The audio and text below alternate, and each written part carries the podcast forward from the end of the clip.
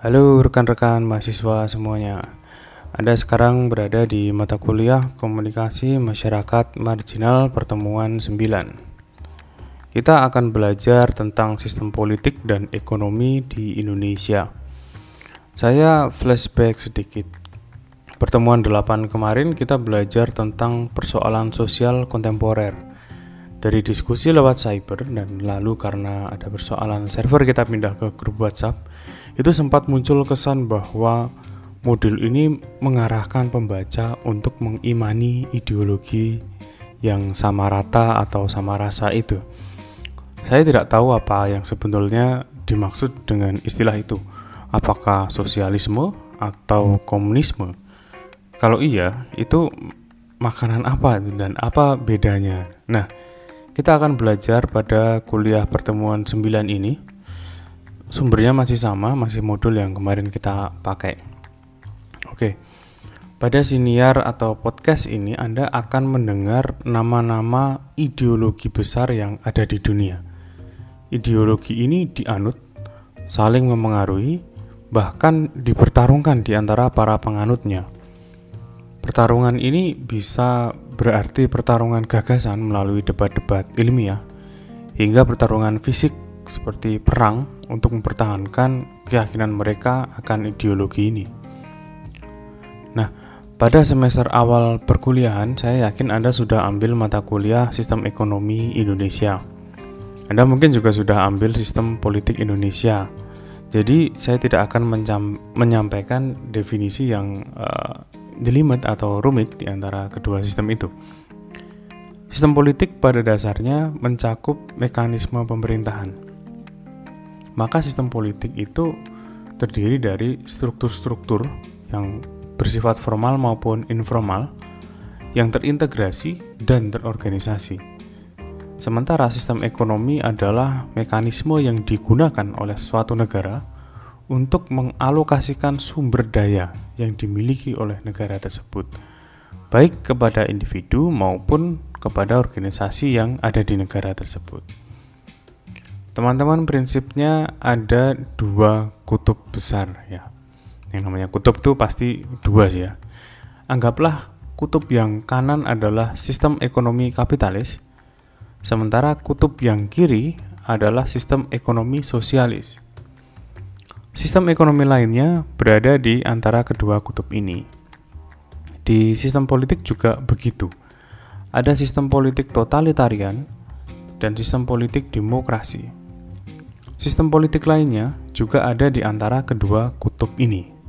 Nah, kita akan bahas jenis-jenis sistem tersebut, sistem ekonomi dan sistem politik tersebut, dan bagaimana keterkaitan kedua sistem ini dalam membentuk ideologi atau sistem tertentu yang dijalankan oleh suatu negara. Kita masuk ke sistem ekonomi yang pertama, sistem ekonomi kapitalis.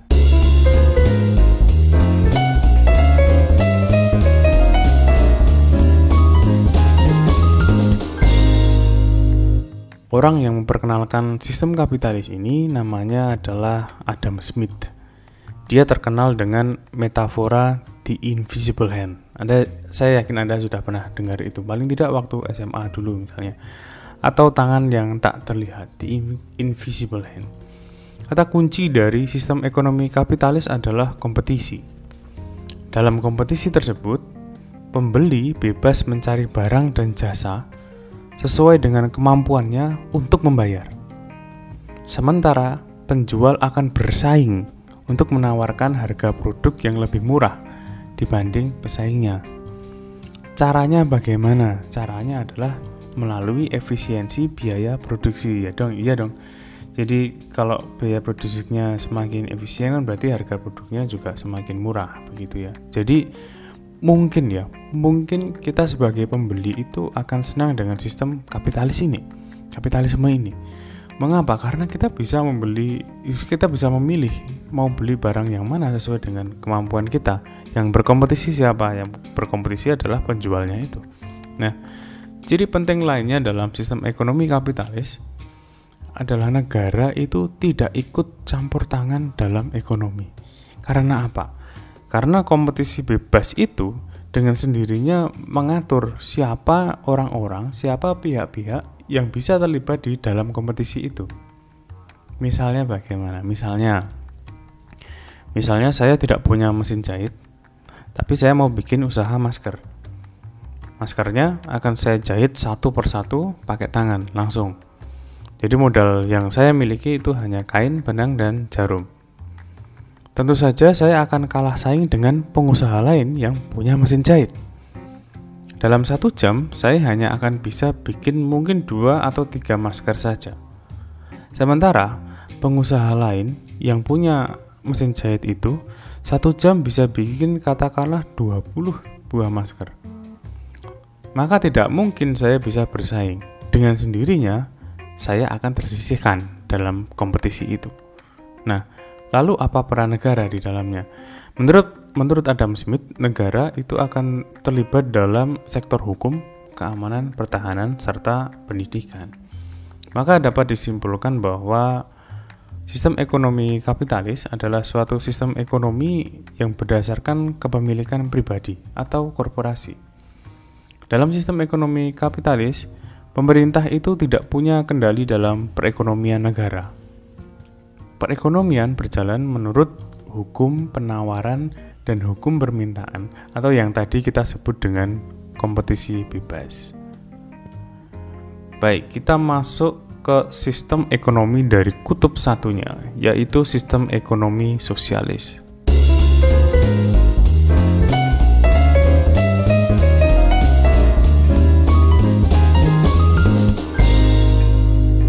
Sistem ekonomi sosialis disebut-sebut sebagai antitesis atau perlawanan dari pemikiran kapitalisme. Tokoh sosialisme adalah Karl Marx dan Friedrich Engels. Marx itu pernah menulis uh, kitab suci dalam tanda kutip ya. Kitab suci namanya Das Kapital. Buku itu ada tiga jilid, tebal-tebal semua. Anda bisa cek di eh, toko-toko uh, online atau toko buku begitu ya. Sementara Marx dan Engels, dua orang itu pernah menulis bareng satu dokumen atau mungkin beberapa sih sebenarnya. Tapi yang paling terkenal adalah Manifesto Partai Komunis. Isinya menarik dan mungkin masih relevan dengan kehidupan saat ini, meskipun uh, dokumen itu ditulis tahun 1800-an. Nah, kita kembali ke sistem ekonomi sosialis tadi. Sistem ekonomi sosialis itu menurut mereka adalah sistem ekonomi yang menyatakan bahwa perencanaan perekonomian, produksi, dan distribusi hasil-hasil produksi itu dikuasai dan diatur oleh negara dalam sistem ekonomi sosialis, alat-alat produksi dikuasai oleh negara dan digunakan untuk kepentingan masyarakat. Jadi di dalam sistem ini tidak ada pengakuan atas kepemilikan pribadi seperti yang ada dalam pemikiran sistem ekonomi kapitalis tadi. Karakternya adalah kebersamaan ekonomi atau kolektivisme. Perbedaan karakteristik dari kedua sistem ekonomi ini adalah kalau kapitalis itu persaingan antar pemilik modal atau pelaku usaha. Sementara kalau sosialis itu kerjasama antar pelaku usaha. Jadi itu bedanya, persaingan atau kerjasama. Nah, perbedaan lebih lengkapnya Anda bisa melihat di modul. Itu tadi dua sistem ekonomi. Secara singkat kita bahas dua sistem ekonomi. Sekarang kita akan masuk ke sistem politik yang di kutub pertama, yaitu totalitarian.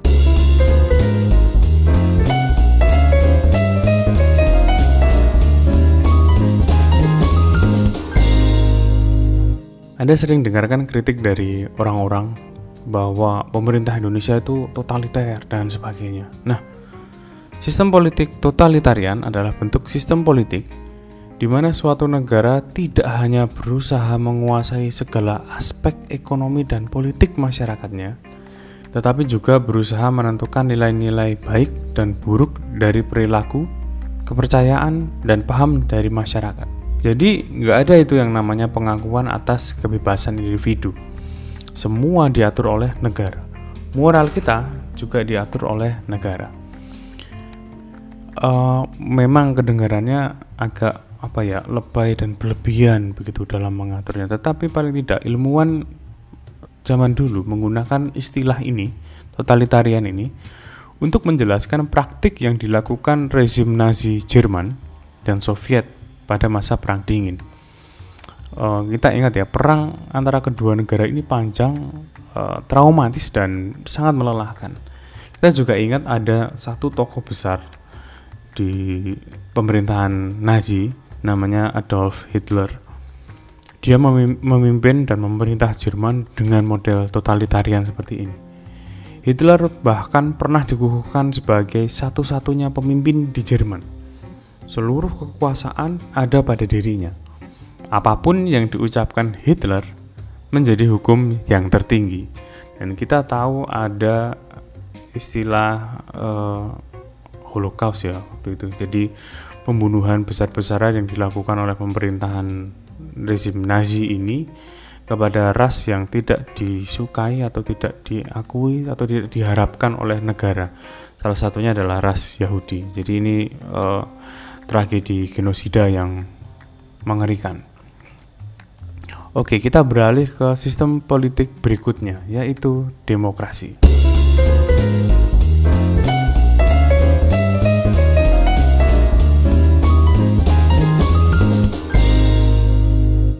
Nah, kalau sistem politik yang ini saya yakin pasti sangat familiar untuk Anda. Demokrasi adalah suatu bentuk pemerintahan politik yang kekuasaannya berasal dari rakyat, baik secara langsung maupun melalui perwakilan. Indonesia, negara kita, tentu saja negara demokrasi, karena sudah diatur dalam sila 4 Pancasila. Tapi, apakah benar begitu? Kita lihat nanti. Karakteristik utama dari sistem politik demokrasi ini adalah diakuinya kebebasan dan hak-hak individu, serta adanya partisipasi individu dalam pengambilan keputusan politik, baik secara langsung maupun melalui perwakilan. Tentu saja pengertian demokrasi tadi sangat bertolak belakang dengan totalitarian. Eh, ciri-ciri atau hal yang paling tampak pada uh, perbedaan kedua sistem ini adalah keberadaan partai politik. Di sistem totalitarian hanya ada satu partai tunggal milik pemerintah. Di Jerman tadi yang saya ceritakan tadi, satu partai yang berkuasa itu dipimpin oleh Hitler itu tadi namanya Partai Nazi. Sementara di sistem demokrasi ada sistem multipartai. Seperti di Indonesia ini, terutama eh, pada awal-awal reformasi kejatuhan Orde Baru itu, partainya itu banyak sekali. Saking banyaknya sampai mungkin dan saya yakin kita sulit untuk menyebutkannya atau menghafalkannya satu persatu. Untuk lebih lengkapnya, Anda bisa melihat perbedaan kedua sistem politik ini pada tabel yang ada di modul. Oke, kita sudah bahas dengan teramat sangat singkat dua kutub sistem ekonomi dan dua kutub sistem politik itu tadi. Nah, sistem yang ada di negara-negara sekarang ini adalah perkawinan atau kombinasi dari sistem ekonomi dan sistem politik yang ada. Di gambar dua di modul itu, anda akan bisa melihat ada kuadran politik ekonomi yang sangat menarik. Ada nama-nama yang unik dan mungkin jarang Anda dengar di dalam uh, kelas, dalam diskusi begitu. Kita juga bisa tahu bahwa yang namanya demokrasi itu tidak selalu kapitalis. Dan yang namanya sosialisme itu tidak selalu otoritarian kita akan bahas beberapa perkawinan atau kombinasi sistem itu yang eh, barangkali akan sering kita dengar saja. Pertama adalah sosial demokrat. Dari namanya kita sudah bisa menduga sistem ekonomi yang digunakan adalah sosialis, sementara sistem politiknya adalah demokrasi.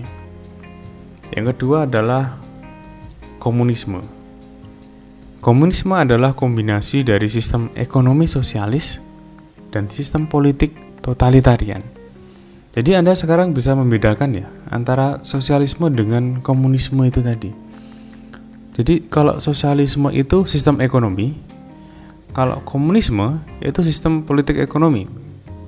Gabungan antara sistem ekonomi dan sistem politik begitu. Nah, kita tahu kita kita tahu dulu pernah ada partai besar di Indonesia namanya Partai Komunis Indonesia atau PKI ya. Mereka beranggapan bahwa kepemilikan akumulasi modal itu bukan atas individu. Prinsipnya semua direpresentasikan sebagai milik rakyat dan oleh karena itu seluruh alat-alat produksi sekali lagi harus dikuasai oleh negara guna kemakmuran rakyat. Nah, karena kepentingan politik luar negeri, kemudian ya mungkin juga kepentingan politik dalam negeri, gerakan-gerakan PKI yang militan ini dianggap membahayakan kekuasaan. Makanya lalu diberangus dengan cara-cara yang luar biasa. Pertanyaannya, apakah paham ini masih ada? Kalau menurut saya tentu saja masih ada. Kan tidak ada yang bisa membunuh gagasan. Yang sudah tidak ada adalah organisasi dan gerakannya. Kalau mau disurvei secara jujur, uh, mungkin ya, mungkin masih ada banyak yang secara intelektual mendukung paham ini. Sekali lagi, secara intelektual. Tapi mungkin itu tidak diungkap karena kondisinya berbahaya kan karena dilihat dari yang eh, diskusi-diskusi uh, di media sosial saat ini ya warga itu kayaknya kok masih percaya kalau komunis itu semacam apa ya virus atau setan jahat yang harus dibinasakan dari bumi Indonesia. Bahkan sampai keturunan-keturunannya. Nah itu kan nah itu kan cukup mengerikan ya sebenarnya. Oke. Ketiga adalah fasisme. Istilah ini juga sering diungkapkan sering digunakan oleh orang-orang untuk menyebut pemerintah Indonesia terutama pada masa Orde Baru diktator otoriter fasis dan sebagainya. Nah, fasisme ini gabungan dari sistem politik totalitarian dengan sistem ekonomi kapitalis. Jadi, fasisme ini bukan komunis. Hitler tadi bukan komunis. Keempat adalah kapitalis demokrat. Sistem ini adalah gabungan dari sistem ekonomi kapitalis dengan sistem politik demokrasi. Singkatnya, Sistem ini mengandaikan ada ketergantungan pemerintah terhadap kaum kapitalis atau kaum pemilik modal untuk menggerakkan perekonomian rakyatnya. Maka tidak heran kalau disebutkan dalam sistem ini para pejabat negara itu tidak bisa tidak dekat dengan para kapitalis atau pemilik modal. Jadi pasti para pejabat negara ini dekat dengan para kapitalis atau pemilik modal. Nah, bagaimana dengan kondisi di Indonesia saat ini? Anda yang sudah membaca modul pasti tahu. Dan Anda yang belum membaca juga saya yakin bisa menebak. Indonesia saat ini cenderung ke sistem ekonomi politik kapitalis demokrat yang terakhir tadi. Hal ini sangat terlihat dari kedekatan antara para pejabat dengan pengusaha atau pemilik modal. Kita tentu ingat ya, di pernah ada survei yang dilakukan itu di DPR sekitar 45% atau lebih dari itu, lebih dari 45% anggota DPR itu adalah juga seorang pengusaha. Hal ini sebenarnya mulai terjadi sejak zaman Orde Baru, di mana kaum kapitalis adalah juga pejabat pemerintah. Namun, apakah Indonesia itu dari dulu seperti itu? Maksudnya, apakah Indonesia itu dari dulu uh, menganut sistem kapitalis demokrat? Tentu saja tidak. Sistem politik dan sistem ekonomi di Indonesia itu berganti-ganti. Maka kombinasi keduanya juga menjadi unik. Lebih lengkapnya Anda bisa melihat tabel 3 di dalam modul. Oke, kita masuk ke kesimpulan. Paling tidak ada dua kesimpulan yang perlu saya sampaikan. Pertama, sistem ekonomi dan sistem politik itu adalah dua hal yang berbeda. Tapi ketika dua hal itu digabungkan, akan ada kombinasi yang unik yang menjadi ideologi sebuah negara untuk menjalankan pemerintahannya. Kedua, Indonesia itu mengalami beberapa perubahan ideologi sosialisme otoritarian, kapitalisme otoritarian, lalu yang saat ini kapitalis demokrat. Faktor yang membuat ideologi itu berubah itu ada banyak sekali. Mulai dari perubahan orang yang berkuasa, perubahan partai-partai politik yang berkuasa baik di uh, eksekutif maupun di legislatif, pengaruh luar negeri, sampai juga relasi dengan para kapitalis yang punya kuasa besar dalam menentukan kondisi ekonomi dan kesejahteraan penduduk di Indonesia. Baik, ini adalah akhir dari siniar tentang sistem ekonomi dan politik di Indonesia. Setelah ini kita berdiskusi via cyber. Silahkan Anda mengonfirmasi melalui pertanyaan, juga menjawab pertanyaan-pertanyaan yang saya ajukan. Selamat belajar dan jaga kesehatan. Saya pamit undur diri.